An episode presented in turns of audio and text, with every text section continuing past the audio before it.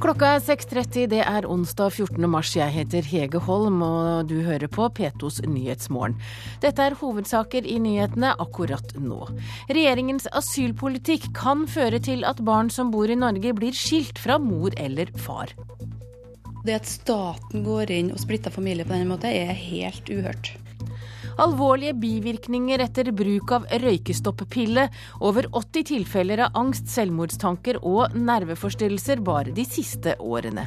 Og er du over 40, blir du sjelden prioritert til psykiatrisk hjelp, viser en ny doktorgradsavhandling.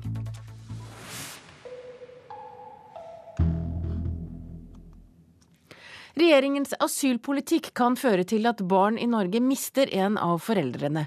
Barna det handler om har mor eller far fra Etiopia som fra i morgen av kan bli sendt ut av landet med tvang, mens barna blir igjen i Norge. Helen Sevdu Ajele har en norsk mann og en datter på to og et halvt. Jeg vil ikke skille med dattera mi, også med mannen min. Jeg vil ikke. Aldri. Hun har vært i Norge i snart fem år. Nå risikerer hun å bli sendt ut med tvang, mens datteren Sonja blir igjen med sin norske far. Hun går i barnehage. Hun er veldig søt. Jeg vet ikke Jeg vet ikke hva skal jeg gjøre nå. Sonja er et av rundt 50 barn som står i fare for å miste et liv med to foreldre. Barna skal vokse opp i Norge, men mor eller far er fra Etiopia uten lovlig opphold. Nå slår Redd Barna og Norsk organisasjon for asylsøkere NOAS alarm. Det at staten går inn og splitter familier på denne måten, er helt uhørt. Sier Janne Rånes i Redd Barna. Det her er en så rå konsekvens av den returavtalen. Og vi mener at dette må være en konsekvens av den avtalen som ikke Justisdepartementet kan ha forutsett. Barna betaler prisen, sier Jon Ole Martinsen fra NOAS. Igjen så ser vi det at eh, norsk asylpolitikk rammer først og fremst barn. Sonja er lykkelig uvitende om en mulig fremtid uten mor. Men Helen Sevdi Ajele orker ikke tanken på et liv uten datteren. Jeg har ikke svar. Fordi jeg ville, jeg ville ikke tenke den. Og reporter her var Katrin Hellesnes. Legemiddelverket melder nå om alvorlige bivirkninger etter bruk av røykestoppmiddelet Champix. Over 80 personer i Norge har fått nerveforstyrrelser, selvmordstanker eller er blitt lagt inn på sykehus etter å ha brukt pillene. Samtidig bruker stadig flere nordmenn middelet. Å herlighet. Forstyrrelse i hjernerytmen, økt blodtrykk, økt hjernerytme. Silje Tronsen fra Bodø prøver å slutte å røyke, men er skremt av bivirkningene røykestoppillen Champix advarer om på pakken. Hun har valgt å stumpe røyken på den gammeldagse måten. Det er bare sterk vilje som skal til. Men ikke alle gjør som hun. Siden lanseringa i 2006 har bruken av røykepillene økt kraftig. Hvert år bruker nær 34 000 nordmenn middelet som skal hjelpe røykere å bli røykfri. For noen resulterer det i selvmordstanker og sykehusinnleggelse. Det er jo en del pasienter som har hatt forvirringstilstander. De har hatt søvnforstyrrelser, depresjon, selvmordstanker. Det forteller avdelingsoverlege ved Statens legemiddelverk, Steinar Madsen. I løpet av de siste årene har de fått inn 83 meldinger om alvorlige bivirkninger etter bruk av Champix. Seksjonsleder Tone Vestegren ved Legemiddelinformasjonssenteret Relis mener det er bekymringsfullt, og sier det viser at man ikke hadde god nok kontroll over hva som kom ut på markedet. Vi har sett at siden det kom på markedet, så har det hvert år vært omtale av nye bivirkninger og alvorlige bivirkninger. Men medisinsk direktør i Pfizer som distribuerer Champix i Norge, Erik Gjelvin, sier middelet uansett er tryggere enn å fortsette å røyke. Fordelen ved å bruke Champix oppveier og overgår langt ulempen med å fortsette å røyke. Ja, Legemiddelverket sier de ikke vil ta middelet fra markedet, men ber leger være forsiktige når de skriver det ut. Og reporter her var Hilde Mangset Lorentzen. Da skal vi til Syria, for opprørere som er blitt tatt til fange i Syria, er blitt utsatt for en rekke ulike former for tortur som grenser til forbrytelser mot menneskeheten, sier Amnesty International i en ny rapport. Amnesty har dokumentert i alt 31 ulike torturmetoder som er brukt av det syriske regimet i behandlingen av fanger. Rapporten fra Amnesty kommer samtidig som spesialutsendingen fra FN og Den arabiske liga, Kofi Annan, sitter og studerer svaret som Syrias president Assad skal ha gitt på fredsforslagene som ble lagt fram for han i helga. Ryktet sier at den syriske presidenten har avvist forslagene til Kofi Annan, men den tidligere FN-generalsekretæren vil foreløpig bare si at han sitter og vurderer svaret fra Damaskus uten å antyde noe om innholdet. Annan la fram fredsplanen sin under møtet med president Assad i helga, og har siden hatt det han kaller nyttige samtaler, også med syriske opposisjonsledere i eksil. Forslagene til Annan skal bl.a. kreve full stans i voldshandlingene fra begge sider, utplassering av uavhengige observatører og lovnad om at det internasjonale samfunnet ikke går inn i Syria. Kofi Annan vil orientere om det syriske svaret senere i dag. Det er i denne situasjonen at Amnesty kommer med sin nye rapport om tortur i Syria. Ifølge menneskerettighetsorganisasjonen møter innsatte i syriske anstalter nå forhold som likner de berykta tilstandene som preger regimet til diktatoren Hafez al-Assad, faren til dagens president. Ei marerittaktig vær av systematisk tortur, som Amnesty kaller det. Amnesty baserer rapporten sin på grundige intervju av syriske flyktninger i nabolandet Jordan den siste måneden. Ja, det sa Gunnar Myklebust. Rapporten fra Amnesty heter altså 'Jeg vil dø'. Syrias overlevende av tortur snakker ut. Og Jon Peder Egernes, du er generalsekretær i Amnesty. Hva er det de overlevende forteller? Nei, De forteller helt eh, grufulle historier om eh, systematisk tortur av seg selv, eh, om å bli tvunget til å være vitne til tortur av andre, deriblant sine egne familiemedlemmer. Og det er jo kanskje ille å starte dagen på denne måten, men, men altså Myklebust nevnte 31 metoder, jeg kan nevne noen få. Det er noe som kalles det flyvende teppet, der man spennes fast på en ja, nærmest en bordplate med et hengsel på midten, hvor man heiser opp i begge ender inntil eh, hodet klemmes inn mellom bena. Eh, og kan henge der i lengre tid mens man samtidig blir slått. Eh, man blir lagt inn i et bildekk som er omtrent midt på kroppen, og så blir man heist opp i taket, og så blir man slått som en pinjata-figur, for de som har sett det på amerikansk film særlig. Det er opphenging etter armene i dagevis, kombinert med slag. Det er elektriske støt som enten gis ved at man spyler personen og fengselscella med vann, og så sender strøm gjennom vann, slik at han altså blir stående i eh, et konstant sjokk, eller en elektrisk stol som da ikke men med ikke så mye strøm at man dør, men altså man sitter i en stol som det går strøm igjennom, for å nevne noen av metodene. Og det som er så tydelig nå, det er at det rammer så godt som alle, eh, og det er ikke, altså som blir arrestert. Og det er ikke ikke i den hensikt å skaffe informasjon. Dette virker som det rett og slett er for å fornedre og skade og plage mennesker, ikke fordi de er ute etter noe spesielt annet enn det. Eh, så det er nå eh, en systematisk tortur som er, så vidt vi kan forstå, bare ment for å bryte ned folks moral antagelig da i den hensikt å forsøke å hindre både dem og andre i å fortsette å protestere. Og kanskje for å få dem til å fortelle hva de har opplevd når de, hvis de noen gang kommer ut? Det er, jo en del av, det er jo en del av poenget, selvfølgelig, at andre skal vite at dette gjør vi. Eh, når vi allikevel forteller disse historiene, så er det jo fordi de overlevende selv ønsker det. fordi at de opplever nå at det må legges mye sterkere press på de syriske myndighetene. Eh, Men hva slags press? Altså, nå så vi Kofi Annan har forsøkt. Den arabiske liga har engasjert seg, FN har engasjert seg. Ja, FN har jo engasjert seg måtelig, eh, og det er kanskje der vi nå må sette inn presset, særlig overfor Russland. Eh, nå må snart de russiske myndighetene akseptere at uh, uansett om det finnes en opposisjon som, som kanskje også, det er rapporter om det, har brukt brutale metoder, så er det et regime som overgår dem tusengangeren.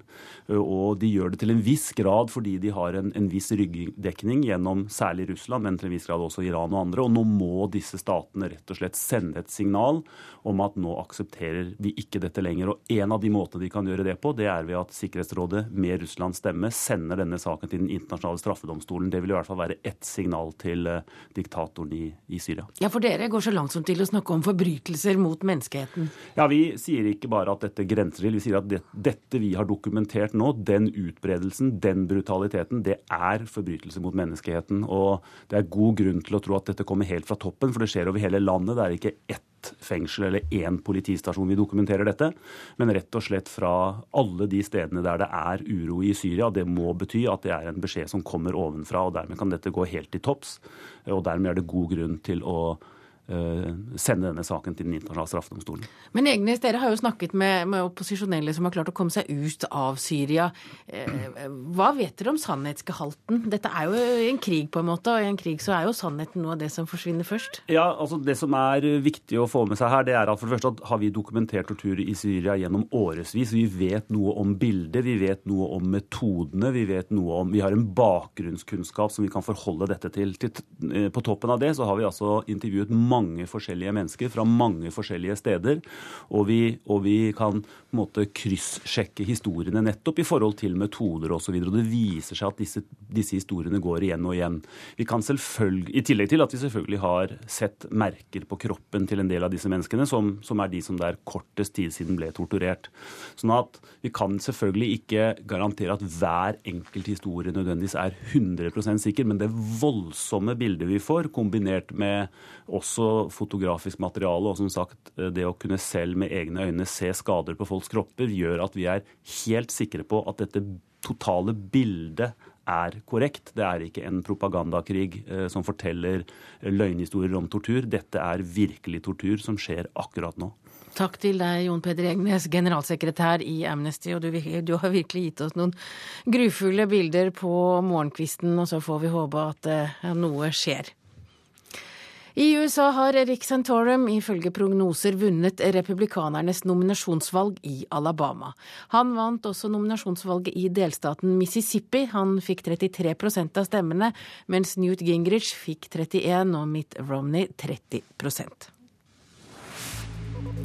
da har vi kommet fram til dagens ferske aviser her i P2s Nyhetsmorgen.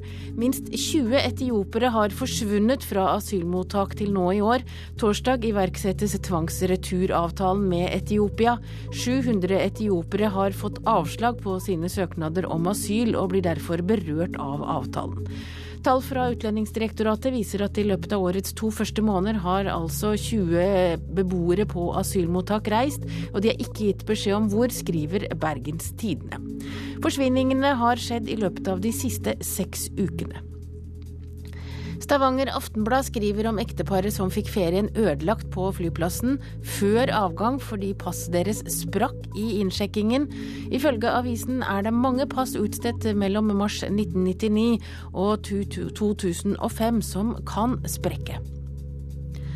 Mallorca, Tyrkia og Hellas er de mest populære reisemålene for bergenserne. Før bestilte de én reise av gangen, nå bestiller de gjerne to i slengen, skriver Bergensavisen. VG slår i dag et slag for nedbetaling av gjeld. Avisen skriver at mange har mye å tjene på å betale ned gjelden nå når renten er så lav. Ekspertene tror også renten kommer til å være lav lenge, skriver VG. Vårt Land advarer i dag mot kriminelle som frister nordmenn til å selge brukt gull. Politiet frykter at den nye bransjen kan gjøre det enklere å hvitvaske stjålet gull. Næringsminister Trond Giske vil ta styring over skolen, skriver Klassekampen. Giske skal nå meisle ut Arbeiderpartiets nye skolepolitikk. Han varsler mer praksis og omlegging av skolepolitikken. Nasjonen skriver at i dag lanseres en ny måte å merke matvarer på, slik at eh, spiselig mat ikke blir kastet. I dag kaster vi mat som er fullt spiselig for inntil 15 milliarder kroner. Aftenposten skriver at Oslo er Europas raskest voksende by. Oslo-politikere ber om ekstra tiltak for å sikre integrering. Dagsavisen forteller historien om tannlege og forsker Bano Singh og mannen som har valgt Oslo for seg og sine to sønner. I 2040 har altså halvparten av Oslos innbyggere bakgrunn fra andre steder enn Norge. Det har vært et hylekor med en uvitende tredjepart, sier Jarle Andøy til Dagbladet. Andøy tar i avisen et oppgjør med kritikerne av berserkforliset og det som skjedde rundt det. Mobiltelefonen truer sikkerheten til mange norske bedrifter. En smarttelefon på avveie kan gi uvedkommende adgang til bedriftens hemmeligheter. Likevel slurves det med sikkerhet, skriver Dagens Næringsliv.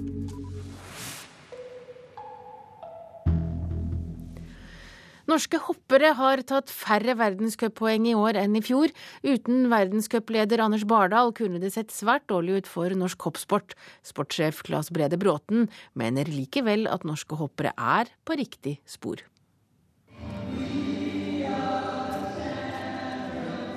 We are the champions runget utover VM-anlegget i Holmenkollen etter søndagens renn. Men det er bare én norsk hopper som egentlig fortjener den sangen. For selv med verdenscupleder Anders Bardal har norske hoppere tatt 139 poeng mindre i år enn på tilsvarende tidspunkt i fjor. Hvis du tar, eh, tar det én for én, så er det, jo, det er jo flere utøvere som har skuffa. Eh, og da vil jeg si at hvis vi i en sesong hvor, eh, hvor, sånne ting skjer, klarer å kjempe om å vinne World Cup sammenlagt og fortsatt er verdens nest beste hoppnasjon, ja, det, det, ser jeg som et positivt uh, trekk. Anders Bardal er nære å bli den første nordmannen siden Espen Bredesen i 1994 som vinner verdenscupen sammenlagt. Men nordtrønderen i den gule trøya er også den som berger verdenscupsesongen for landslagstrener Alexander Støkkel. Bardal har tatt nesten halvparten av alle de norske poengene i verdenscupen, og uten Bardal i regnskapet er tallene for verdenscupen i år mye dårligere enn i fjor. So there is still work to do, and that's uh, what we will uh, search for next season. Og reporter her var Anders Werner Øfsti. Du hører på Nyhetsmorgen i NRK P2 og Alltid nyheter. Klokka er 6.46, og dette er hovedsaker i nyhetene. Regjeringens asylpolitikk kan føre til at barn som bor i Norge blir skilt fra mor eller far. Alvorlige bivirkninger etter bruk av røykestoppille, over 80 tilfeller av angst, selvmordstanker og nerveforstyrrelser bare de siste årene. Og det blir en ny sesong av TV-serien Lillehammer. Innspillingen starter trolig neste år.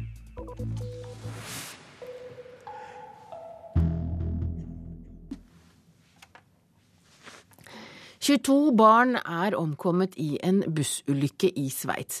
Til sammen 28 personer mistet livet da turistbussen de satt i krasjet inn i en tunnelvegg i Wallis sør i landet. Skituristene fra Flandern i Belgia var på vei hjem igjen fra ferie sør i Sveits da bussen krasja i en tunnelvegg. Årsaka til ulykka som skjedde tirsdag kveld, er fremdeles ukjent ifølge lokale styresmakter. Bussen hadde til sammen 52 personer om bord. 28 personer mista livet, hele 22 av de barn. I tillegg er 24 barn skadde, ifølge BBC. Og reporter var Tone Gullaksen. I natt gikk det et nytt ras i Trøndelag. Jordraset gikk over jernbanen og Europavei 6 ved Støren, omtrent på samme sted som i går. Dermed har det gått sju jordras i Trøndelag i løpet av et døgns tid. Ingen skal være tatt av jordskredet. Det raser fortsatt på stedet, og det kan ikke sendes inn ryddemannskaper slik situasjonen er nå, sier operasjonsleder Tore Kyllo i Sør-Trøndelag politidistrikt. Vi har ikke helt oversikt over hvor bredt og stort det er, egentlig, for at det går fortsatt ras. Og vi tør ikke å sende inn folk inn i området. Et anslag fra 200 400 meter bredt, og veien er i hvert fall E6 da er dekt med iallfall én meter godt og vel. Med masse, da. Og det går fortsatt uh, stein og jordskred uh, i området. Så vi må vente til at det roer seg, og vi må få opp folk eller folk opp i helikopter for å vurdere skredet. Men dette er jo hovedferdselsåra mellom eh, sør og nord, da. det er jo E6-en, og dette vil jo skape problemer, vil jeg tro? Det vil det nok gjøre. Både vi regner med nå å ta høyde for i hvert fall hele formiddag vil det bli stengt, og kanskje hele dagen. Sånn at vi har starta med omskilting og omlegging av kjøreruter. Da, at, ja, og det sa operasjonsleder Tore Kullo. Vi får mindre psykiatrisk hjelp desto eldre vi blir, det viser en ny doktorgradsavhandling. Studien konkluderer med at det er mye større sjanse for å få hjelp hos en psykiater for en deprimert fjortis enn for en suicidal 40-åring. Samtidig viser studien at antall personer som får piller mot mentale problemer, øker med årene. Der tar jeg en tablett til dagen. Jeg starta med en halv tablett i ei uke, og så har jeg økt den opp til en tablett. Berit er deprimert og får piller mot smerten. Jeg merka det når jeg ble 40, så kom det ting og tang. Hos meg i alle fall. Så jeg har slitt med, og det kommer med ting med barndom og alt sånt. Den type medisiner du har fått, trenger litt tid før det gir full effekt. Hos legen for å forlenge sykemeldingen. Og så må vi av og til justere dosen, og da kan jo det òg ta litt tid. Så. Svein Reidar Kjosavik er spesialist i allmennmedisin. Hans doktorgradsstudie viser at antall personer som trenger hjelp for mentale problem, øker med åra. Men Det er lettere for en fjortis å få en resept fra en spesialist i psykiatri enn for en 40-åring. Dess eldre du blir, så er det liksom færre og færre som feiler noe som er så viktig at du får en spesialist til å se på det. Det kan ikke jeg forstå. Og Så skriver jeg en melding til Trygden. Fastlegene står for 80% av alle resepter gitt til personer med psykiske lidelser. Kjosavik mener kompetansen burde vært bedre. Det er klart at Når 80% skrives ut i allmennpraksis, så gjør nok allmennlegene òg minst 80% av feilene. Så jeg tror jo at allmennlegene sin kompetanse kan bli bedre, og jeg tror at vi har en del verktøy vi kunne ha brukt for å gjøre det. Det vil ikke være alle fastlegene som har interesse eller kapasitet til å og fordype seg i dette området. Det sier Bent Høie, som er leder av helse- og omsorgskomiteen på Stortinget. Han mener løsningen er å plassere fastleger og psykologer tettere sammen. Vi må ha et system der fastlegene får eh, kollegaer som er psykologer, og som gjerne har kontorfellesskap med, med fastlegene. Så kan en eh, bli eh, å si, nesten leid over gangen til en psykologkollega og, og få, få hjelp. Jeg må nok tenke videre at jeg 50 gjerne er det som jeg klarer for å få litt ro. Berit er i slutten av 40-åra og for deprimert til å jobbe fullt. Pustevansker og pillene og fikk eh, sånn angst på en måte. Så da starta det. Jeg fikk ikke sove om nettene og sånn. Og hjertebank og Det er jo helst når du kommer i en alder av 40 og at du får gjerne en depresjon. Når antallet som trenger behandling for psykiske lidelser øker betydelig med åra, så tror jeg at en god del av de eldre som har større psykiske vansker, ikke får behandling hos spesialist, og er avhengig av kompetansen og praksisen til den fastlegen de har. Da står det øverst her hvem som skal ha hvilken. Ja. Ser du enden på dette?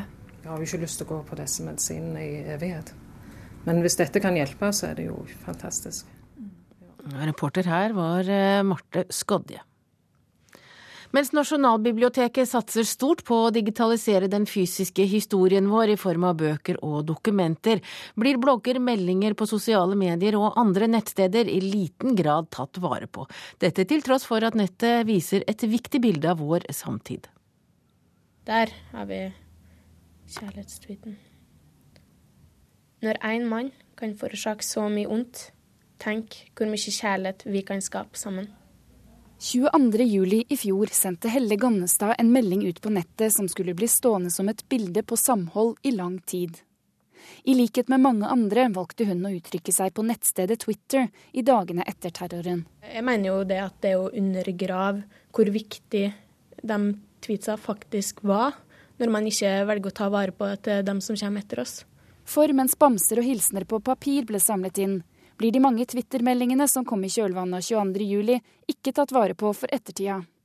Nasjonalbiblioteket satser stort på å samle og digitalisere aviser og bøker. Men det som er født digitalt, som blogger og sosiale medier, blir i liten grad tatt vare på.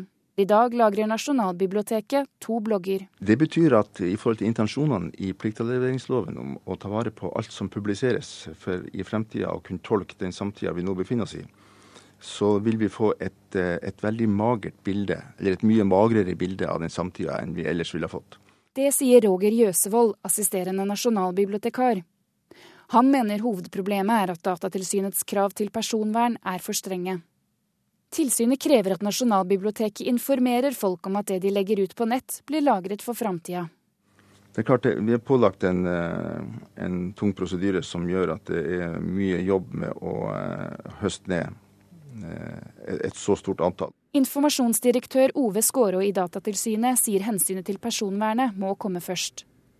Selv om nettsider er publisert åpent på nett, betyr det ikke at de skal lagres for evigheten. Retten til å bli glemt, retten til å selv å kunne ta styring over egne personopplysninger, eh, trår sterkere og sterkere inn. Nasjonalbiblioteket sier at det, det kan samles inn fordi det er allment tilgjengelig, men intensjonen bak loven var at de private skulle falle utenfor. Nasjonalbiblioteket kan samle inn, også fra utenlandske nettsteder, om de tar kontakt med nettstedene. For oss så vil det jo være et eh, ressursspørsmål om eh, hvor mye ressurser vi er i stand til å prioritere på å oppfylle de konsesjonskravene som ligger ved å høste ned eh, nettsteder. Jeg mener den historiske verdien, da. Den vil være verdt eh, den jobben som legges ned i det. Og reporter her var Ida Kvittingen. Det blir mer Lillehammer. TV-serien Lillehammer får en sesong to. Selskapet som har rettighetene i USA vil ha mer, og nå gir også NRK klarsignal for en ny sesong.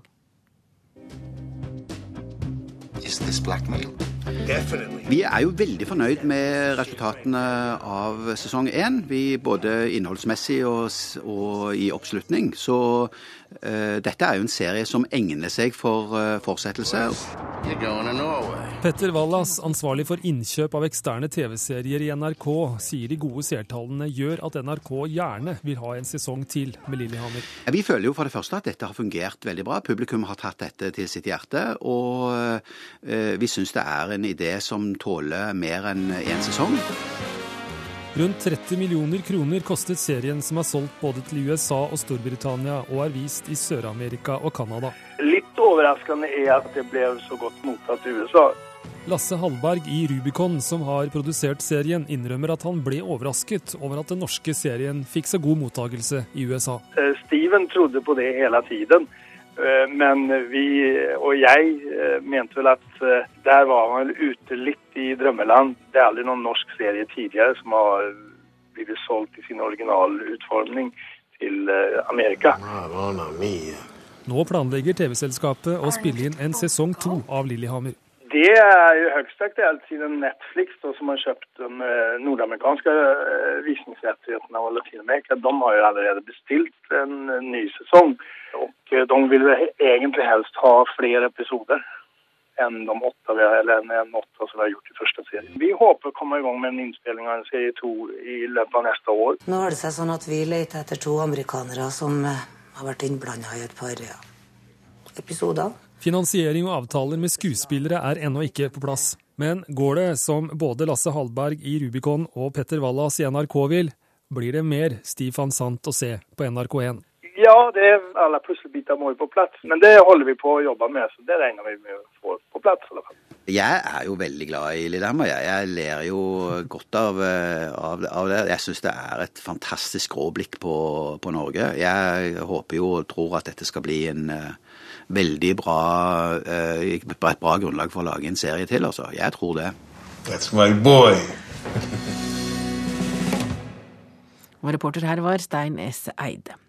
Da har vi kommet fram til et værvarsel som gjelder til midnatt. Fjellet i Sør-Norge vestlig frisk bris utsatte steder. I kveld liten kuling i nordlige og vestlige områder. Litt snø av og til. Sludd og regn under 800 til 1000 meter. Ellers opphold og perioder med sol. Østafjells stedvis noe skyet på Østlandet først på dagen, ellers til dels pent vær. Utrygt for lokal tåke til kvelden. Rogaland litt yr av og til. Snø over 1000 meter. Lokal tåke. Hordaland og Sogn og Fjordane fra ettermiddag sørlig frisk bris på kysten, stiv kuling ved Stad. I kveld sørlig liten kuling i nord og opp i sterk kuling ved Stad. Litt regn, snø over 1000 meter. Lokal tåke. Møre og Romsdal fra i ettermiddag opp i sørvest stiv kuling. Regn, snø over 500 til 700 meter. Fra i ettermiddag snø over 1000 meter og lokal tåke. Trøndelag snø, regn i ytre strøk. Fra ettermiddag sørvest liten til dels stiv kuling. Regn, snø over 1000 meter. Lokalt mye nedbør i ytre og midtre strøk. Helgeland og Saltfjellet fra i ettermiddag sørlig liten kuling. Etter hvert regn i ytre strøk. I indre strøk sludd og snø. Senere også regn. Salten, Ofoten, Lofoten og Vesterålen enkelte snøbyger. I ettermiddag økning til sørlig liten kuling, oppholdsvær. Senere litt sludd og snø i sør, til dels regn på kysten. Troms enkelte snøbyger og oppholdsvær. Finnmark nordvestlig liten kuling. Enkelte snøbyger, i ettermiddag minkende til skiftende bris. Avtagende bygeaktivitet og, aktivitet og til dels pent vær. Og så har vi kommet fram til Nordensjøland på Spitsbergen. Der ventes det skiftende bris og spredt snø. Og Det var altså et værvarsel som gjelder fram til midnatt i dag, onsdag 14. mars.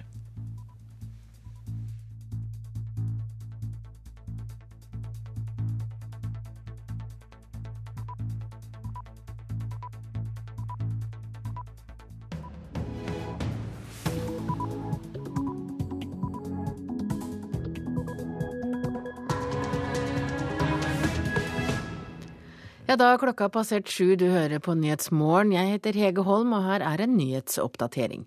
Etiske fond trekker seg ut av Statoil pga. satsingen på oljesand.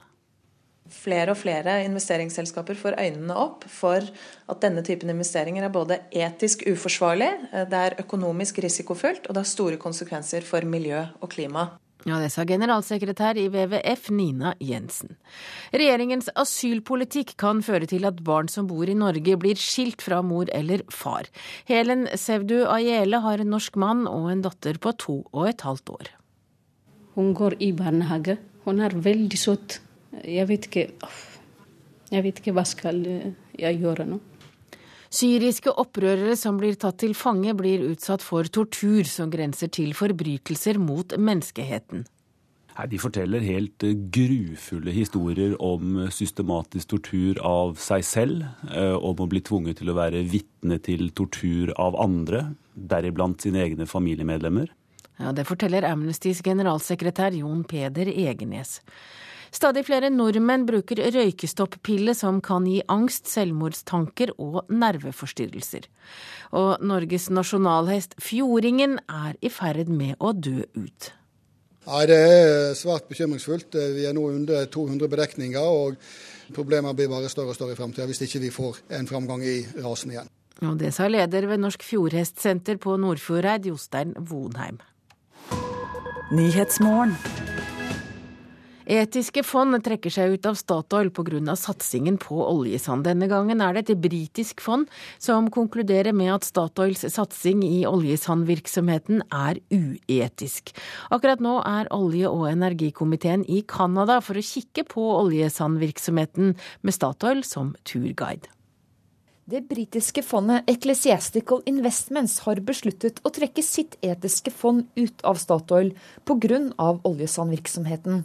En klok beslutning, mener generalsekretær i WWF Nina Jensen. Flere og flere investeringsselskaper får øynene opp for at denne typen investeringer er både etisk uforsvarlig, det er økonomisk risikofullt og det har store konsekvenser for miljø og klima. Dette er jo bare ett av mange som vi har rådgitt i denne saken, som nå trekker seg ut. Satsingen på oljesand er både viktig og riktig, sier Bård Glad Pedersen, pressetalsmann i Statoil. Vi kan ikke kommentere et fond sine investeringsstrategier, men vi mener jo at vi bidrar til ansvarlig utvikling av disse ressursene. Syns Statoil at uh, oljesandvirksomhet er etisk? Ja, dette er en nødvendig del av verdens energiforsyning, og vi bidrar til ansvarlig utvikling av disse uh, ressursene. Stortingets miljø- og energikomité er i Canada denne uken. En sentral del av turen er å besøke Statoils oljesandanlegg i Alberta. De burde stille kritiske spørsmål til eh, Statoil i forhold til den satsingen som de gjør, og da spesielt knyttet til klimapåvirkningen og miljøpåvirkningen fra denne satsingen. Det som er litt bekymringsfullt, er at de besøker Alberta uten befaring. Det betyr altså at de får Statoils grønnvaskede bilde av tjæresandsatsingen, og ikke det reelle bildet som de ville fått dersom de besøkte konkrete områder hvor man faktisk kan se de enorme miljøskadene som denne satsingen uh, vil medføre. Men Statoil skal jo vise dem rundt. Eh, Statoil vil jo nødvendigvis ikke presentere noe annet enn et glansbilde. Og Statoil driver jo også eh, samtidig nå en aktiv lobbykamp både i USA og Canada eh, for at tjæresandsatsingen skal få fortsette. Så det er jo ingen tvil om at Statoil har store interesser på spill i dette her, og kommer ikke til å presentere det fulle bildet de presenterer eh, det rosemalte bildet. Vi er glad for at det er interesse for å eh, komme og se eh, vårt anlegg. Vi har ønska å være åpne om vår oljesandvirksomhet, fortelle om hvordan vi skal bidra til ansvarlig utvikling av disse ressursene. Vi er glad for å kunne vise fram hvordan vi jobber med dette. En urbefolkningsgruppe fra Canada synger utenfor kontorene til Royal Bank of Scotland. Banken er en av dem som har gitt vesentlig bidrag i form av lån til satsing på oljesand. Å påvirke fond og investeringsbanker har blitt en stadig viktigere del av strategien til miljøverngruppene i deres kamp mot oljesand. Ja, og Reporter her var Line Tomter, og vi har med oss Steinar Medios, du er økonomikommentator her i NRK. Bare aller først, minn oss nå på hva er det som er så uetisk med oljesand, eller utvinning av olje i tjæresand? Ja, Det er forurensningen av disse aktivitetene. Eh, og det er at det man bruker enormt mye energi for å få ut denne oljen. Så summen av dette er at dette er en svært forurensende virksomhet. Hva betyr det for Statoil når de nå kommer på svarteliste? Ja, Det er jo åpenbart ubehagelig. Nå er ikke dette fondet som her er nevnt, eh, noe stort fond, men det er eh, den engelske kirkens fond. Et av de eldste fondene, kanskje et av de eldste fondene i verden. De har holdt på 125 år. Eh, og de har vært lenge i Statoil. Fondet har vurdert, sier de, Statoil over lang tid, og nå har de kommet til den konklusjonen at det Statoil driver med nå, det er rett og slett for risikabelt. Hvilke kriterier avgjør om etiske fond trekker seg ut? Ja, eh, dette britiske kirkefondet har lagt vekt på to forhold. og Det ene er altså denne oljesandvirksomheten som har vært kontroversiell i lengre tid. Men de merker seg også at eh, Statoil har dratt seg mot arktiske strøk, er i nærheten av Grønland. Og en del av disse aktivitetene mener de er for farlige til å være med på. De har ikke analysert selskapet finansielt, kan det se ut som, men mer industrielt. Og da er det rett og slett konklusjonen, slik at dette blir for farlig å være med på. Men, men er det godt politikk i det? Er det sånn at for Statoil er satsingen på oljesand eh, så viktig at eh, de tar prisen eh, ved å tape omdømmet? Ja, det, de har noe med ment at dette er, er riktig for selskapet å, å gjøre. Men, men, når man får den typen motstand mot seg nå fra, fra, investorer, så er jo det selvfølgelig ubehagelig. fordi at Statoil le, lever jo av sitt gode navn og rykte. Og det skal også sies at det britiske fondet understreker at Statoil ikke er noe uetisk selskap. Men de aktivitetene de nå driver med, som er altså langt utenfor den sokkelen som, eh, hvor de har tjent sine gode penger og, og har hatt uh, nytt stor respekt i mange år, de aktivitetene som de nå er inne i, mener altså dette britiske kirkefondet er for farlig å være med på. Og nå er det det britiske fondet. Tror du andre fond kan komme til å gjøre det samme? Altså blir det smitteeffekt? Det er, eh, dette er altså ikke et stort fond, men det er et fond som eh, folk i, i City i går sier til meg det er et fond som andre ser hen til. Det er et referansepunkt i finansverdenen, så å si. Eh, eh, fordi det er kjent for å holde en høy etisk standard. Sånn sett så er dette eh, uttrekket, som det heter, altså at de dropper Statoil-aksjen, eh, mer alvorlig fordi det er en signaleffekt i andre. Takk til deg, Steinar Medias økonomikommentator her i NRK. Staten skiller foreldre og barn gjennom tvangsreturer til Etiopia. Det skriver Redd Barna og Norsk organisasjon for asylsøkere, NOAS, i et brev til justisministeren. Barna det handler om har mor eller far fra Etiopia som fra i morgen av kan bli sendt tilbake til landet med tvang, mens barna blir igjen i Norge. Igjen så ser vi det at eh, norsk asylpolitikk rammer først og fremst barn. Det sier Jon Ole Martinsen i NOAS. Det er nå minst 50 barn eh, i Norge, eh, norske borgere og barn bosatt i Norge, som står i fare for å miste mor eller far. Barna vi snakker om har oppholdstillatelse og skal vokse opp i Norge. Men de har en mor eller far fra Etiopia uten lovlig opphold, og som kan bli sendt ut med tvang. Dermed står barna i fare for å bli frarøvet et liv med begge foreldrene, stikk i strid med rettighetene andre barn i Norge har, mener Martinsen. Med en gang barnet har en far eller mor som er av utenlandsk opprinnelse, så blir det annerledes. Og det er en diskriminering overfor de barna som bor i Norge, norske borgere, som regjeringen her må ta tak i. Fraser TQ er sykepleier og har bodd i Norge i ni år.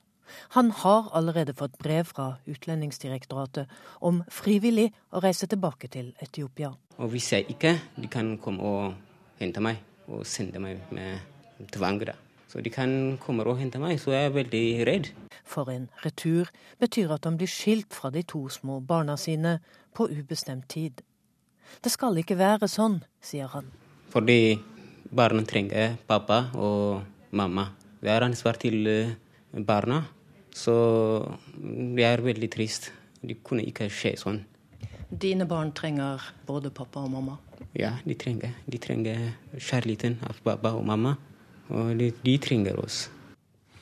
Ja, og reporter her var Katrin Hellesnes. Redd Barna og NOAS har nå sendt et åpent brev til Grete Faremo om konsekvensen av returavtalen med Etiopia.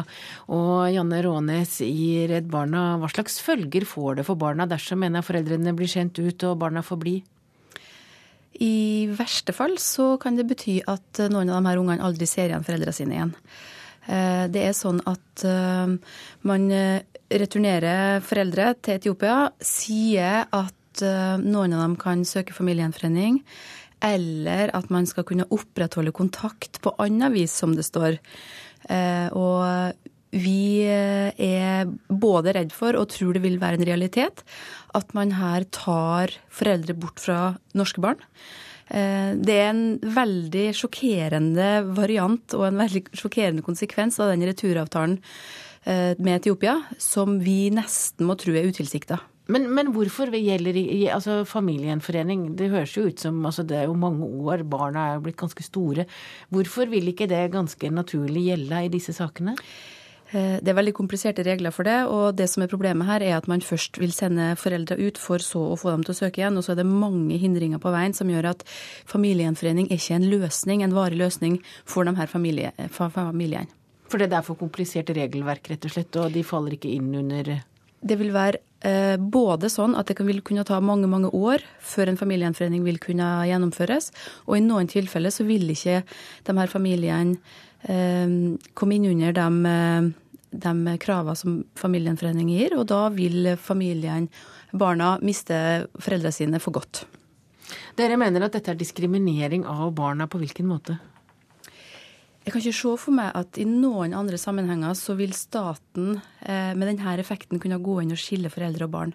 På alle andre rettsområder i Norge så bestreber jo nettopp staten at eh, også der foreldre ikke lever sammen, så skal staten tilrettelegge for at barn har god kontakt og kan ha omsorg for begge sine foreldre.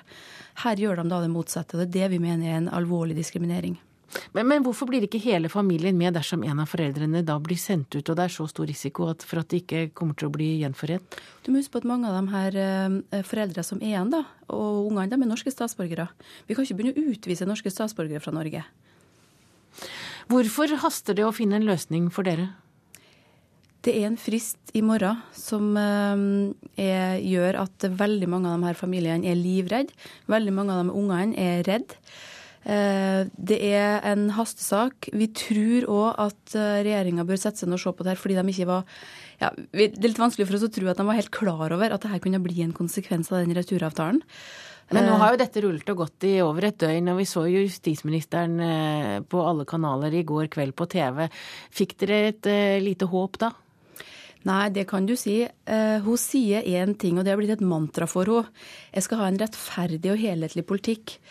Med utgangspunkt i, barns rettigheter, så er det å snu ting på hodet. Hun plikter å gå inn og tenke og se grundig gjennom om for de enkeltungene som blir ramma av det her, uh, det er rettferdig. Og jeg er helt sikker på at hadde du spurt de ungene om de er enig i at det er rettferdig at mamma eller pappa må dra, og du kanskje aldri får se dem igjen så vil de jo si det er fryktelig vondt, og det er ekstremt urettferdig. Takk til deg, Janne Rånes i Redd Barna. Og dette kommer vi til å snakke mer om her i radioen, for i Politisk kvarter 7.45 eh, der skal det også handle om den spesielle gruppen av asylsøkerbarn, Bjørnbø? Ja, det er som det har vært inne på her, vært et eh, heftig ordskifte om asylsøkerbarn i de siste dagene. Det vi har hørt om her, det er ei spesiell gruppe. De er få, men eh, det er sterkt prinsipielle saker dette her hører med. Og det er altså saker som har med å gjøre. Så vi skal få reaksjoner fra den politiske opposisjonen i Politisk kvarter. Men uh, du har plass til mer, du. Dere skal også snakke om kampen om regjeringsmakt? Ja, Den stunder til det er valg i 2013, som de fleste vet. Og etter valget sist, i 2009, da erkjente opposisjonen at Kanskje de gav de rød-grønne gode kort til å bli attvalgte ved at de ikke hadde noe klart regjeringsalternativ. Men sånn blir det ikke nå? Eh, det sier noen, at slik skal det ikke bli. Men eh, posisjonene de er om lag de samme som før. Og vi skal høre hva som ligger i dette her, når eh, sentrumspartiene ikke vil regjere sammen med Fremskrittspartiet, og Fremskrittspartiet ikke vil sitte i regjering der partiet sjøl ikke er med. Og dette får du høre mer om i Politisk kvarter 7.45. Norge mangler 120 000 for å nå sysselsettingsnivået før finanskrisen. Statsminister Jens Stoltenberg har anslått en sysselsettingsvekst på 70 000 jobber i løpet av de to kommende årene. Pga. befolkningsveksten mangler Norge 120 000 jobber for å ha samme sysselsettingsnivå som før finanskrisen. Det mener LOs sjeføkonom Stein Regaard. Det er Dagens Næringsliv som skriver dette i dag. Næringslivet er mest utsatt for renteøkning. Finanstilsynet tror folk flest vil klare en økt rente bedre enn norsk næringsliv, skriver Aftenposten. Sjef i Finanstilsynet Morgen Baltzersen tror folk vil handle mindre hvis renten øker. Dette vil bidra til dårligere tider for næringslivet og økt ledighet. Når Norges Bank i dag avholder rentemøte, er det forventet en uendret styringsrente. Klokka er 7.15, du hører på Nyhetsmorgen i NRK P2, og dette er hovedsaker. Etiske fond trekker seg ut av Statoil pga. satsingen på oljesand. Regjeringens asylpolitikk kan føre til at barn som bor i Norge blir skilt fra mor eller far. Og stadig flere nordmenn bruker røykestoppiller som kan gi angst, selvmordstanker og nerveforstyrrelser.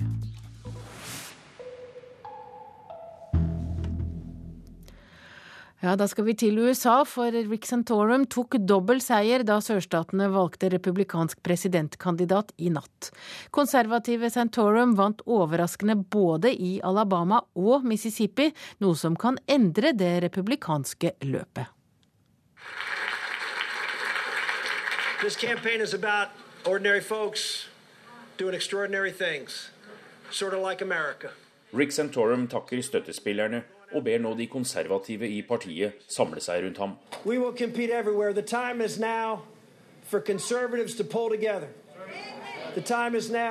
Den tidligere senatoren fra Pennsylvania fikk 35% av stemmene i Alabama. Newt Gingrich på andre med 29% Mitt Romney også med 29% i den sosialt konservative delstaten. I nabostaten Mississippi ble også delegatene jevnt fordelt. Santorum fikk 33% oppslutning, med Gingrich på 31% og Romney 30 begge sørstatene gir delegater ut fra oppslutningen.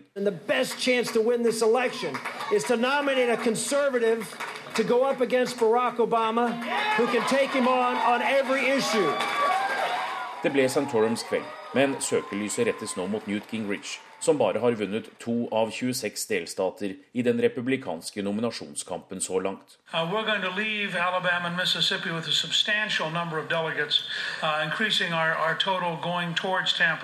uh, Gingrich sier at han kommer til å fortsette, tross det som ses på som et stort nederlag for ham, og den offentlige debatten om at han burde trekke seg. Gingrich og Santorum kjemper om de samme konservative velgerne. Politisk er det lite som skiller dem. Gingrichs budskap er at den nasjonale favoritten Mitt Romney fortsatt kan slås fordi han ikke er konservativ nok.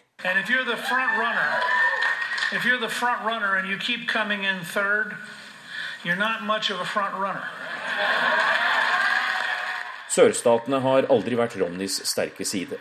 Han sliter med å overbevise folk her om at han er rett mann til å kjempe republikanske verdier mot Barack Obama. Men selv om Romney kom på tredjeplass i både Alabama og Mississippi, gjorde han det mye bedre enn ventet. Kommentatorer her legger også vekt på at de verste delstatene er over for Mitt Romney. Likevel kan løpet mot nominasjonen bli tøffere dersom de konservative samler seg rundt en rival. Romney selv snakket ikke til støttespillerne i natt. Han var på pengeinnsamling i New York. Anders Tvegård, Washington. Vi skal holde oss i verden, for syriske myndigheter bruker omfattende og systematisk tortur, melder Amnesty i en ny rapport. Under opprøret mot det syriske regimet det siste året har torturen ifølge Amnesty blitt både mer omfattende og mer grusom. Dette er forbrytelser mot menneskeheten, sier Jon Peder Egenes, som leder organisasjonen i Norge. I Sveits er 28 mennesker, blant dem 22 barn, drept i en bussulykke. De omkomne skal være fra Belgia. Bussen var på vei til Belgia etter en skiferie da den kjørte inn i fjellveggen i en tunnel i Sveits, og det var 52 passasjerer i bussen. Et flertall av de spurte i USA sier de vil støtte en amerikansk militæraksjon mot Iran dersom landet er i ferd med å bygge atomvåpen. I en ny meningsmåling sier 56% av de spurte at de vil støtte en amerikansk militæraksjon, mens 39% er imot. Målingen viser samtidig at 62% av de spurte vil støtte Israel dersom landet angriper Iran av samme grunn.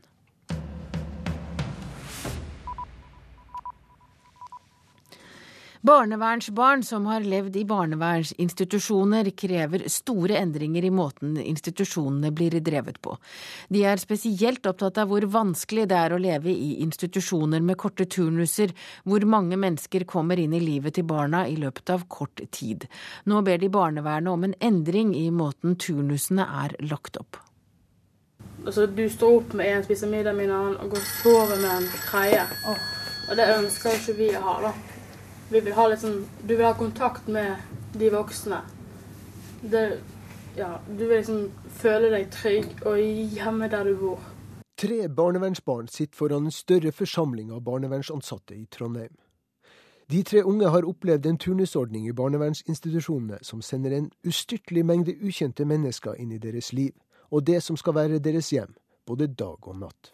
Det som er ekkelt, er nattevakta. For mange kan det være veldig ekkelt i forhold til eh, fortid, eh, hva som har skjedd, og en fremmed person kommer inn på rommet og sjekker om du sover og går ut igjen.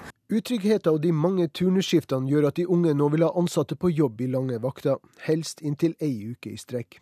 Inge Kvaran, førsteamanuensis ved barnevernspedagogutdanninga i Trondheim, tror arbeidstida må tilpasses de unge. Nei, I utgangspunktet så tenker jeg at det er jo disse sårbare barnas eh, behov som må komme i første rekke. Og så får måte de, si, de formelle og, og statlige interesse- og arbeidstakerorganisasjoner prøver å komme fram til mest mulig fornuftige ordninger. Og slike ordninger krever at barnevernet må få dispensasjon fra arbeidsmiljøloven, konkluderte Marit Sanner fra Forandringsfabrikken. Deres undersøkelser viser at dagens situasjon er uholdbar. Så ille kan det bli av og til at ungdommene sier at det er ikke noe vits med barnevernsinstitusjoner før vi ordner disse turnusene. Sant? Og da begynner det å bli sånn. Da er jo dette en stor ting. Ja, og reporter her var Stein Lorentzen. Et nytt jordras stengte natt til onsdag E6 ved Korporalsbrua mellom Berkåk og Støren i Sør-Trøndelag. Ingen personer, biler eller hus ble berørt av raset, men veien er trolig stengt en stund framover. Meldingen om raset kom eh, ved 3.40-tiden, og det var Jernbaneverkets folk på stedet som meldte fra. Og reporter Jøte Toftaker, du er på rasstedet. Hvordan er situasjonen? Det som er situasjonen her, det er at eh, politi og ambulanse og og, og brannvesen har eh, sperra av E6-en helt fysisk og bare stilt en svær brannbil på tvers her før vi starter opp eh, til selve Sokndalen eh, starter. Eh, raset oppi her, det som du sa i innledninga her, det Jernbaneverket har hatt folk på jobb her i natt.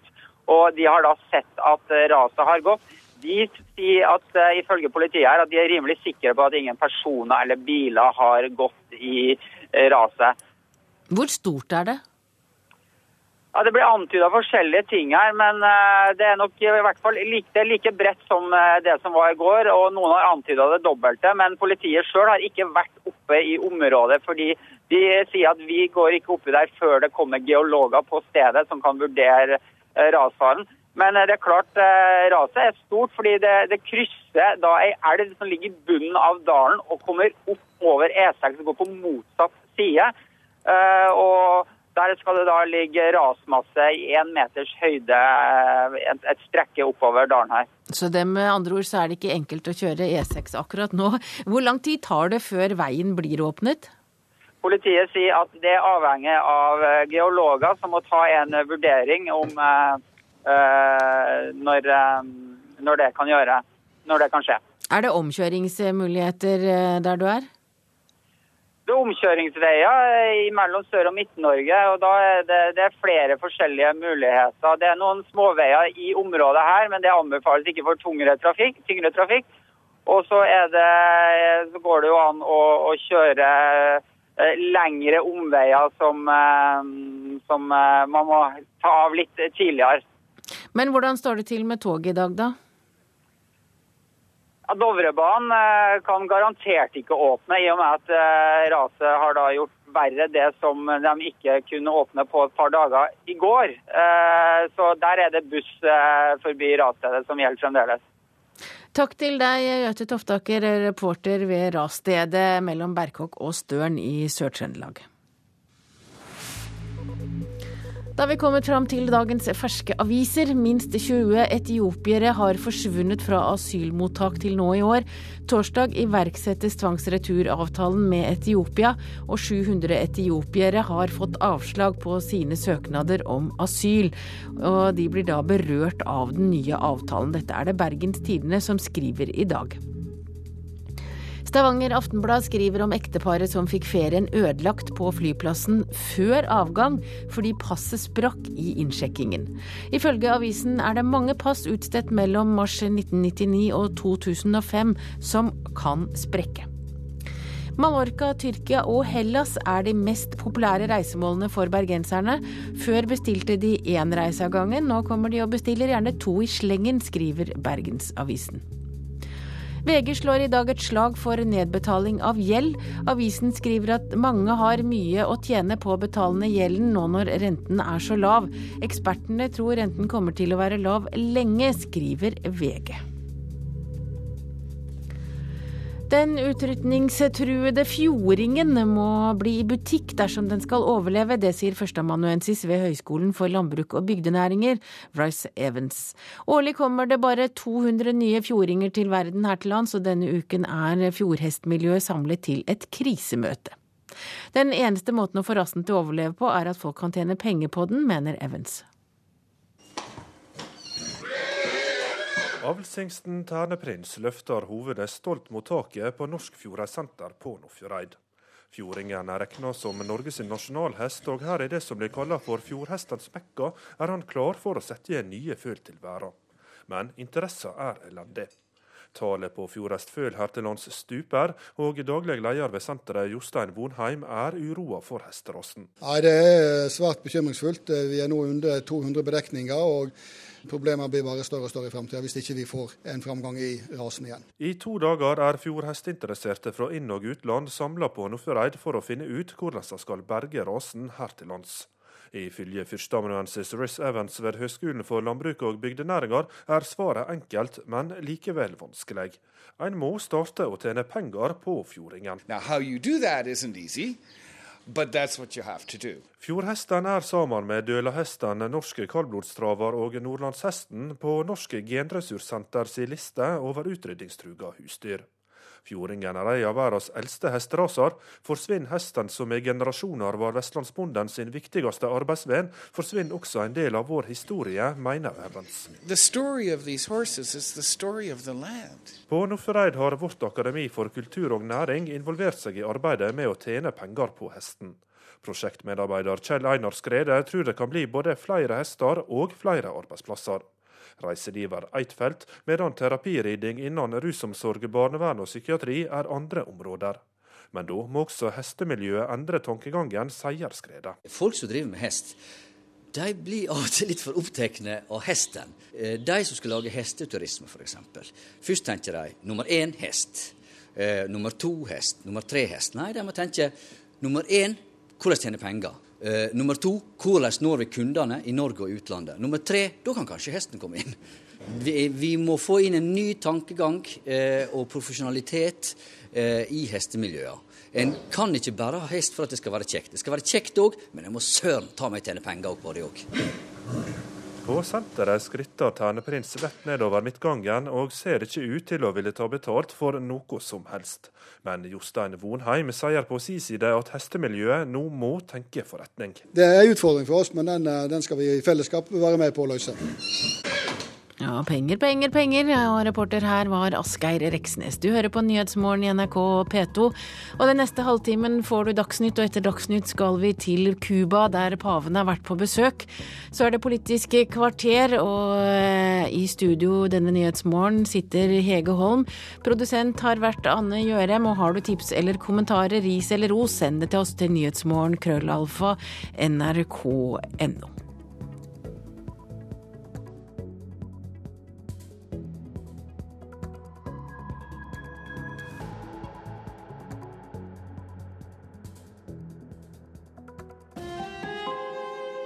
Hør ekko. Det smeller hardt og nådeløst hvis en politiker tråkker utenfor den smale sti. Men hva slags politikere sitter vi igjen med hvis alle er plettfrie? De rene og ranke, som aldri har lært seg nytten av en snarvei? Er det slike politikere vi trenger? Ekko 9 til 11 i NRK P2.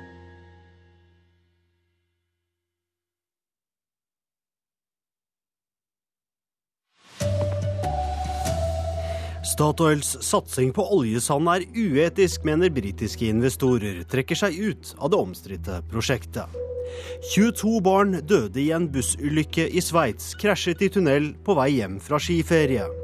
Og jo eldre du blir, jo mindre er sjansene for å få psykiatrisk hjelp i Norge. Her er NRK Dagsnytt, klokken er 7.30. Ja, Etiske fond trekker seg ut av Statoil pga. satsingen på oljesand. Denne gangen er det et britisk fond som mener Statoils satsing i oljesandvirksomheten er uetisk. Og akkurat nå er olje- og energikomiteen på Stortinget i Canada for å kikke på oljesandvirksomheten med Statoil som turguide.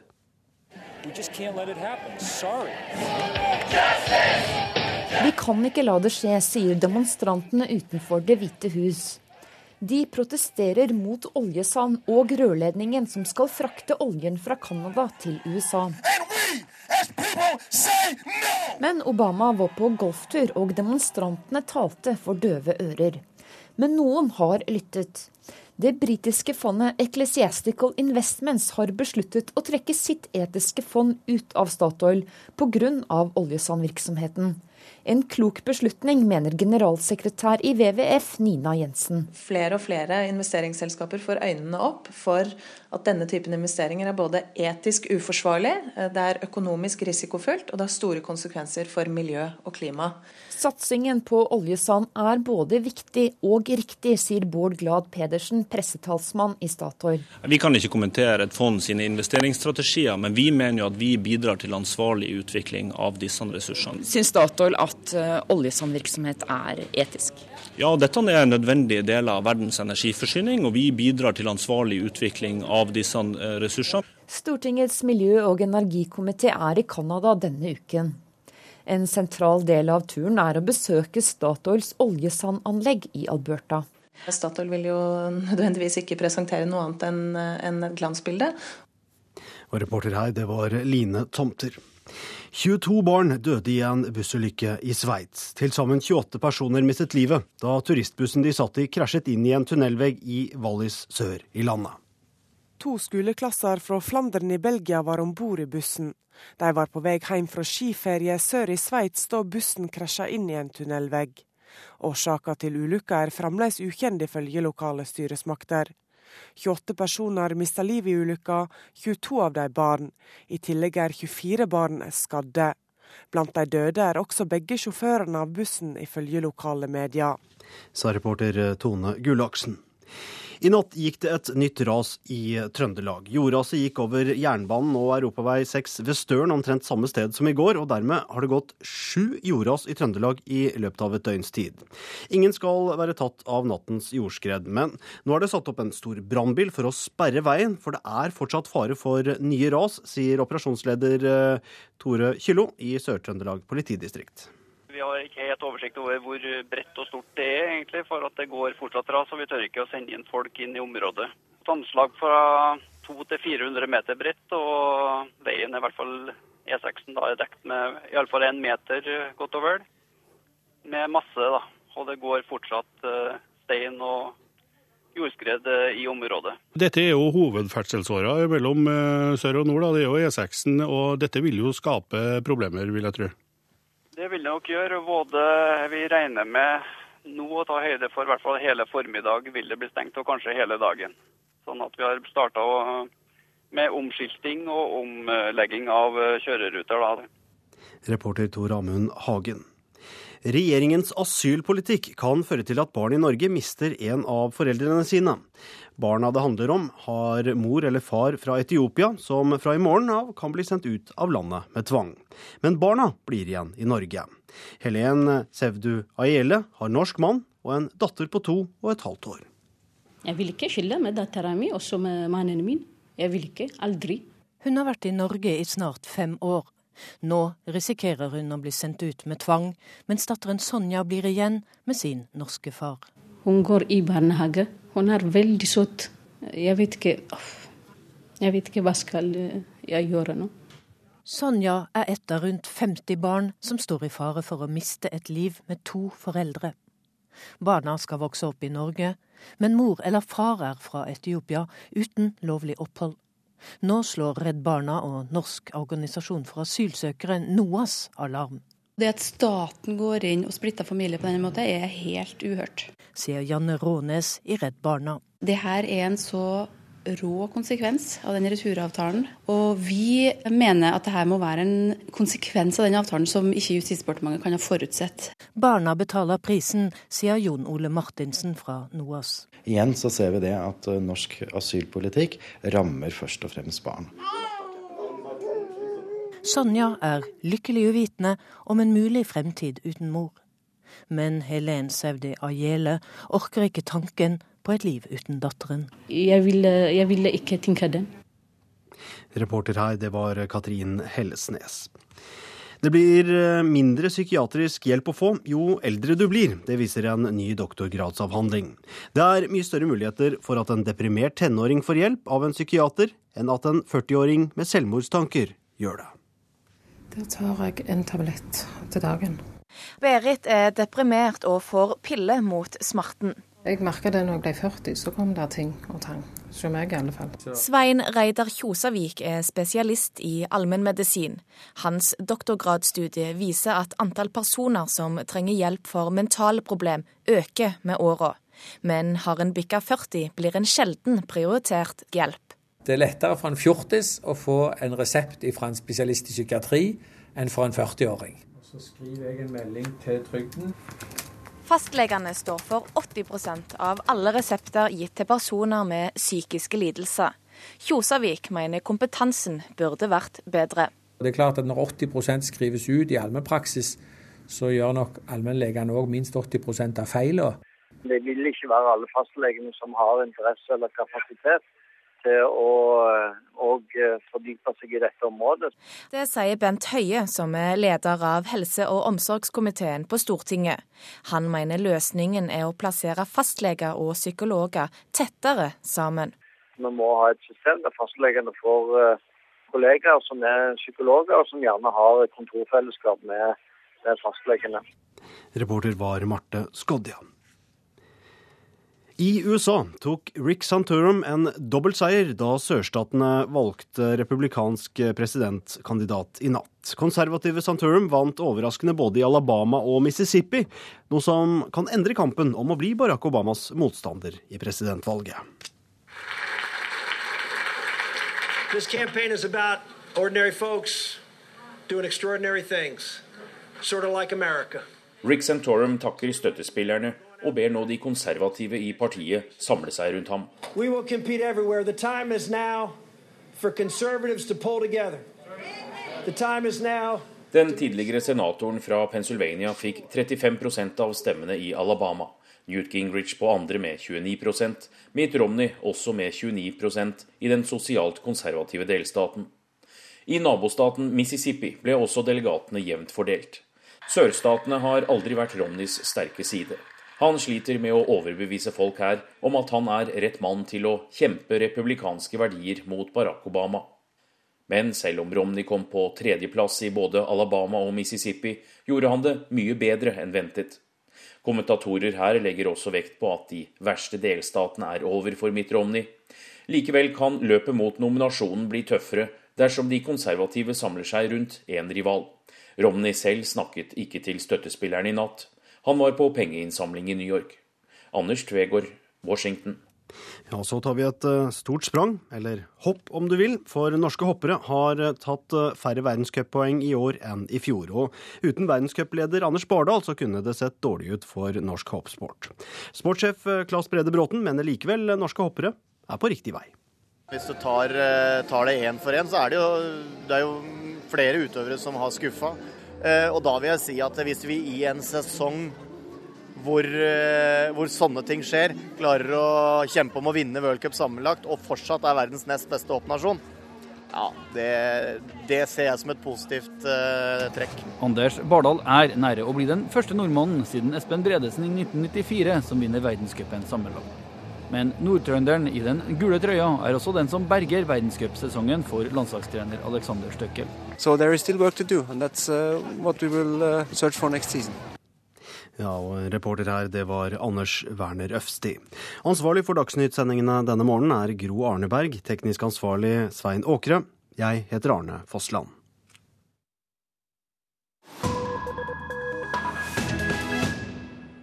Ja, klokka er 7.40. Du hører på P2s Nyhetsmorgen, og vi skal til Cuba, for der er forberedelsene nå i full gang. I slutten av måneden kommer pave Benedikten 16. til den karibiske kommunistøya.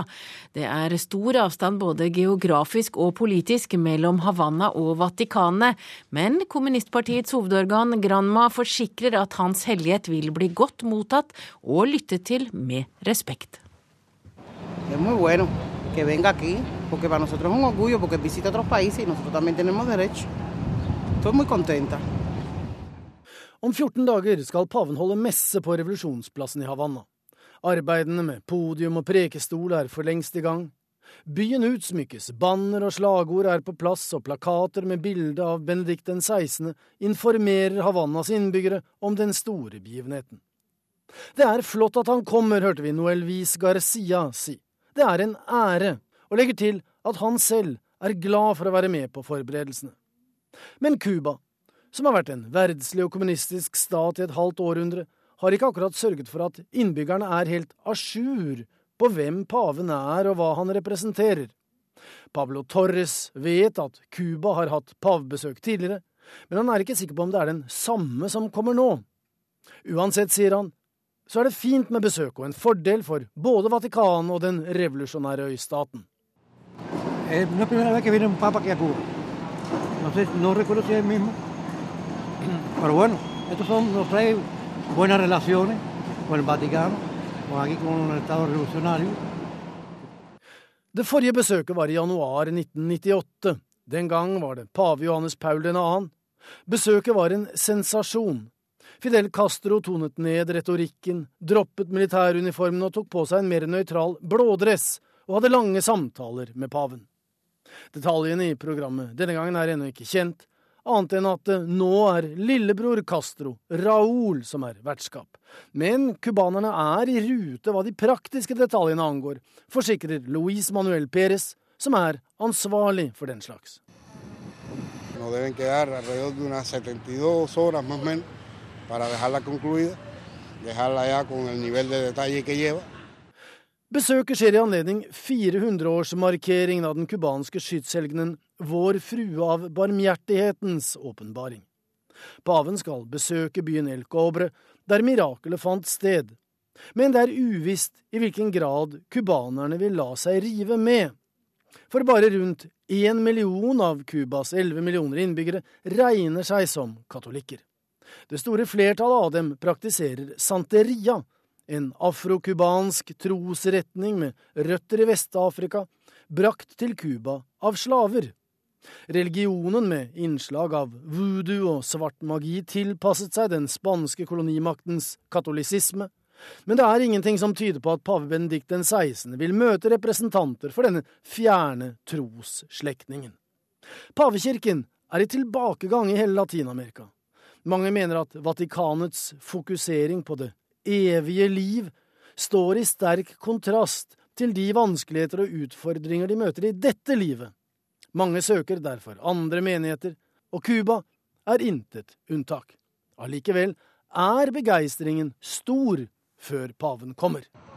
Esto es lo que ha pasado a mí. Eso son 15 años de edad y para la visita del Papa es increíble las millones de personas que van a ver esto en vivo. ¿entiendes?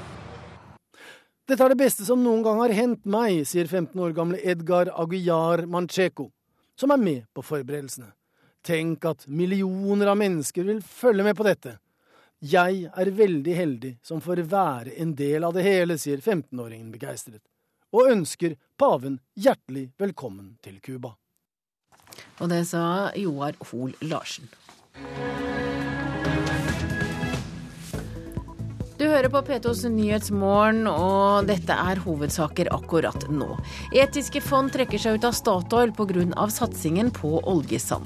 Regjeringens asylpolitikk kan føre til at barn som bor i Norge blir skilt fra mor eller far. Og 22 barn døde i en bussulykke i Sveits. Bussen krasjet i en tunnel på vei hjem fra skiferie. Da har vi kommet fram til Politisk kvarter, og der skal dere snakke mer om barn der et av foreldrene kan bli sendt ut av landet, programleder Bjørnbø. Ja, vi skal høre reaksjoner fra opposisjonen.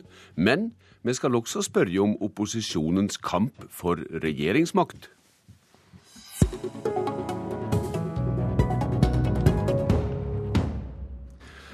I dag har vi hørt i nyhenda at norske barn med en etiopisk forelder risikerer at den etiopiske forelderen blir sendt ut av landet. Dette gjelder asylsøkere som har fått avslag på opphold. Og i morgen blir ei utleveringsavtale med Etiopia satt i verk. NOAS og Redd Barna har sendt brev til regjeringa der de ber om at disse barna ikke må fråtakes et familieliv. Parlamentarisk nestleder i Fremskrittspartiet, Ketil Solvik-Olsen, hvordan reagerer du på dette? Dette er jo åpenbart veldig vanskelige saker. Fremskrittspartiet ønsker jo å ha en restriktiv politikk for asylsøkere.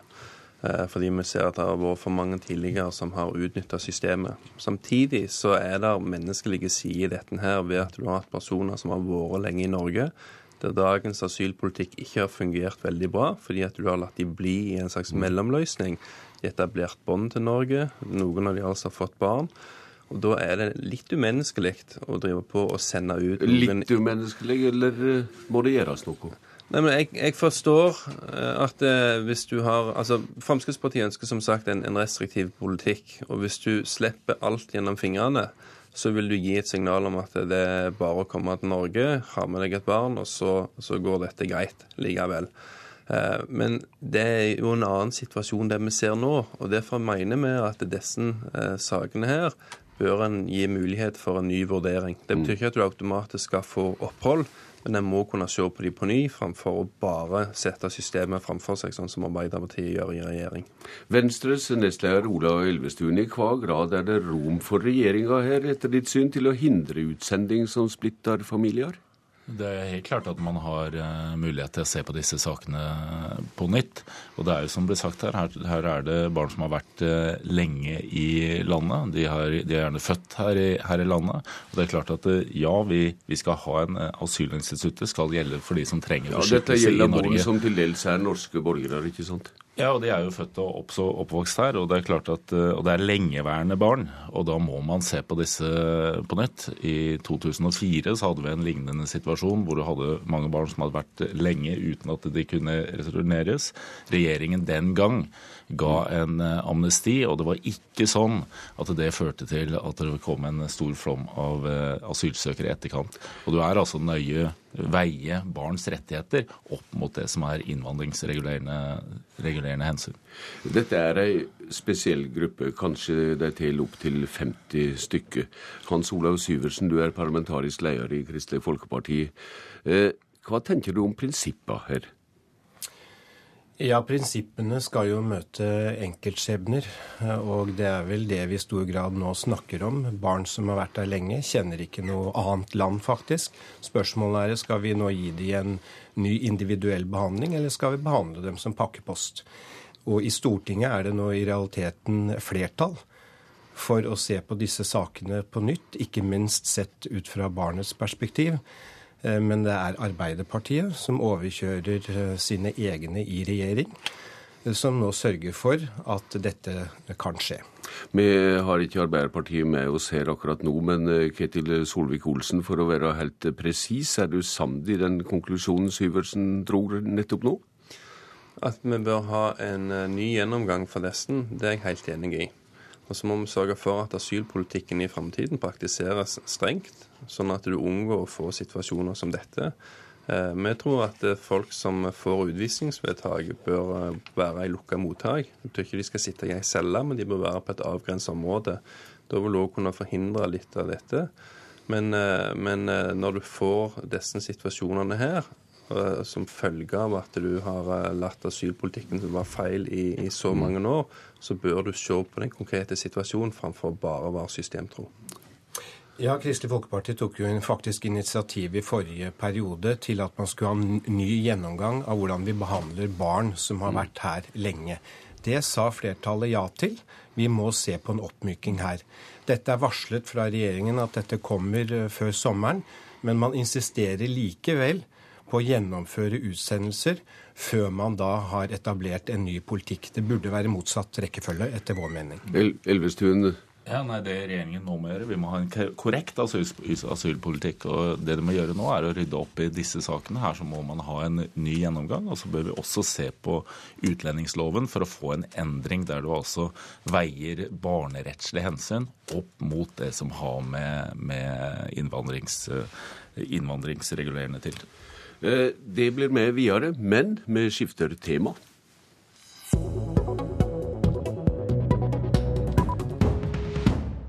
Det store nederlaget for oss er om høyresiden igjen får innflytelse. Enten det er gjennom en regjering med Høyre og Frp, eller gjennom en Arbeiderpartiregjering som samarbeider med høyresiden i mange vanskelige saker. Og Derfor så vil jeg at vi skal sende en tydelig beskjed fra dette landsmøtet. Vi har tenkt å holde høyresiden arbeidsløs gjennom å vinne en tredje rød-grønn regjeringsperiode ved valget neste år. Audun Lysbakken om arbeidsmarkedet for opposisjonen. Det har vært SV-landsmøte, og nye omkverv kommer i kampen om regjeringsmakta i 2013 fra opposisjonen. Kristelig Folkeparti skal til høsten avgjøre hva regjeringsalternativ partiet vil ha. Men ønsket om regjeringsskifte er sterkt, og i går sa du, parlamentarisk leder Hans Olav Syversen, at ikke-sosialistisk flertall må gi ikke-sosialistisk regjering. Hvor klart er ditt resonnement? Ja, det syns jeg er rimelig klart. Og det begrunner jeg også med at de resultatene som denne rød-grønne regjeringen har vist, ikke minst på områder som er viktige for Kristelig Folkeparti, verdisaker, familiepolitikk, frivillige organisasjoner, så har kursen gått i feil retning. Og da trenger vi et skifte. Og så får vi se hvordan det eventuelt skal manifesteres etter hvert. Ja, Det skal vi snakke mer om, men bare for, for å orden på dette, Syversen. Arbeiderpartiet er da å regne som sosialistisk i denne sammenhengen? Ja, de er jo en del av den rød-grønne blokken, og de har jo sagt at de med entusiasme går til et nytt stortingsvalg med Senterpartiet og SV, så det sier seg selv at det er jo ikke et alternativ som blir noe nytt i tilfelle. Sosialistisk, altså. Men så sier du også at det er lite trolig at ditt parti kan sitte i regjering sammen med Fremskrittspartiet. Hvorfor det, helt konkret? Ja, det bygger jeg jo på litt i respekt for våre partiprogram, og, og ser at her er det ganske mange ulikheter. Men jeg syns ikke det skal hindre at vi sørger for at et ikke-sosialistisk flertall skal gi et regjeringsskifte. Og så får vi heller se nærmere hvordan vi skal sørge for at et slikt skifte skal skje. Men jeg tror det er viktig at man i 2013 får gitt i hvert fall etter min mening, en rimelig klar beskjed om at et ikke-sosialistisk flertall det skal også gi en annen regjering. Nestleder i Venstre, Ola Elvestuen. Hvor naturlig er det for ditt parti å sikre regjering med Fremskrittspartiet? Du, Det er helt klart uenigheter på borgerlig side, og det er politikkområder her hvor vi f.eks. miljøpolitikken, det er asyl og innvandring også, hvor det er store uenigheter. Og det er klart at det vil være vanskelig, som også Trine Skei Grande har, har gitt uttrykk for. Men vi vil ha en ny liberal, borgerlig regjering. Eh, og det er klart at borgerlige partier må også kunne snakke sammen om hvordan man håndterer denne uenigheten. Men vil du garantere nå at det blir ei ikke-sosialistisk regjering dersom det blir ikke-sosialistisk flertall? Venstre vil definitivt jobbe for at vi får en Jeg spurte, Vil du garantere det? Vi ønsker å ha en eh, borgerlig regjering ved, ved å få et flertall på borgerlig side. Og så må de fire partiene være villige til å snakke sammen om hvordan man får det på plass. Parlamentarisk nestleder i Fremskrittspartiet, Ketil Solvik-Olsen. Hvor klår er du på at ditt parti ikke vil være garantist for en regjering der det sjølve ikke er med? Vi har hele veien sagt vi ikke vil støtte en regjering som vi ikke får være en del av. Men de signalene som kommer her fra KrF og Venstre, er veldig positive. fordi at det her signaliserer en holdning at en ønsker et regjeringsskifte. Eh, og så forstår jeg godt at eh, en trenger tid eh, for å legge strategien på plass i partiene. Men med den holdningen som er et langt skritt i riktig retning sammenlignet med valgkampen inn mot 2009-valget. Så dette er jeg sikker på at hvis vi setter oss ned og snakker sammen, ikke dyrker fordommene mot hverandre, eh, men ser hvor kan vi gi og ta, og gjør at alle føler at de får eh, gjennomslag i tråd med den størrelsen de oppnår på valgdagen, så vil vi kunne få et, eh, en god borgerlig regjering som gir en bedre politikk enn dagens regjering. Men eh, disse resonnementene du hører, de må føresette enten at ditt parti Støre er regjering der det ikke er med, eller at sentrumspartiene Støre er regjering der Fremskrittspartiet og ikke de er med. Det er godt mulig at eh, KrF og Venstre sier at de vil støtte en Frp-Høyre-regjering. eh, Og det er helt greit for meg, men legg merke til at det er ingen av de som sier garantier mot noe som helst. De påpeker hvor ting vil være vanskelig. Og det er ikke noe nyhet. Men, Mhm. men det er altså ingen garantier her mot at Frp skal være med på noe som helst. Og det er det nye. Så skal alle partiene gjennom programprosesser. Vi skal alle gjennom prosesser der vi blir bedre kjent, der vi begynner å stole på hverandre på en annen måte enn det vi har gjort. Og Da tror jeg òg at en del av de forbeholdene som du hører i dag, vil forsvinne.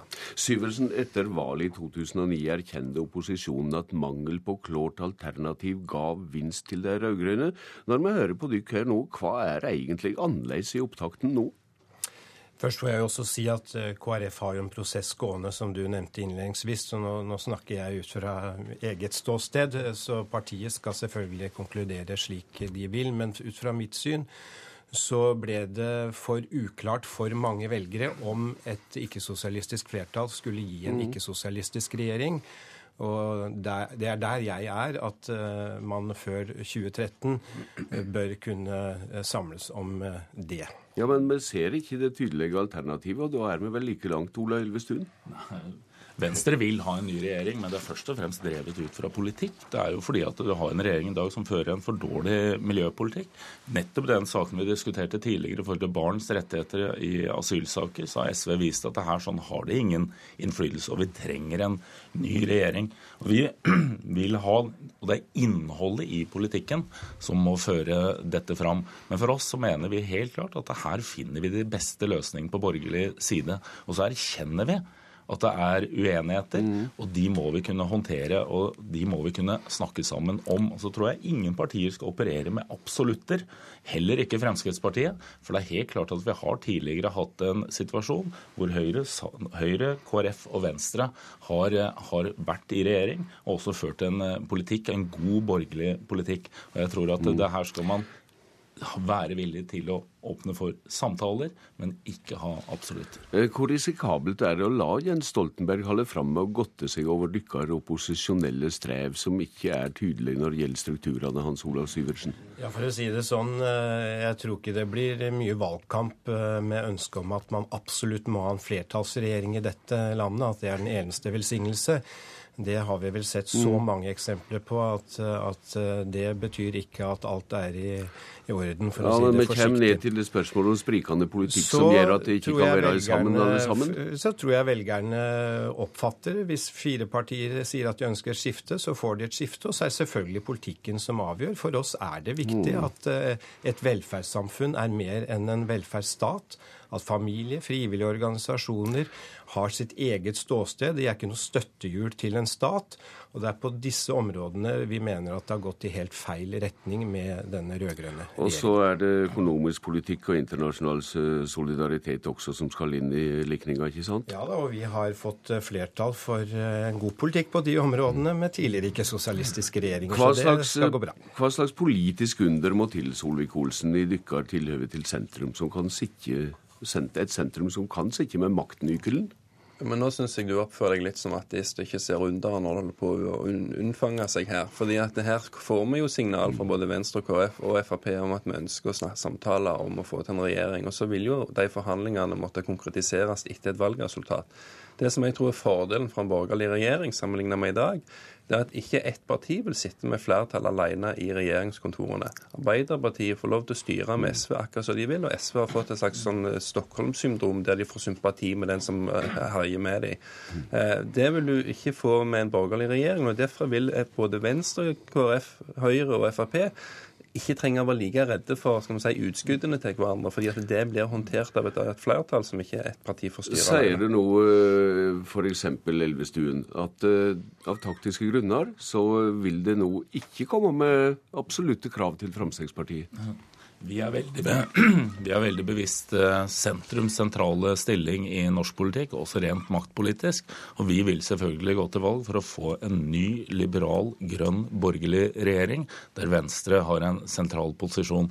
Og det er det vi vil, gå til, det er det vi vil jobbe for. Og så må vi ha samtaler for å håndtere uenighetene på borgerlig side. Her blir det mye å lure på for velgerne. Takk til dere i denne omgang. Politisk kvarter er slutt. Jeg heter Bjørn Bø.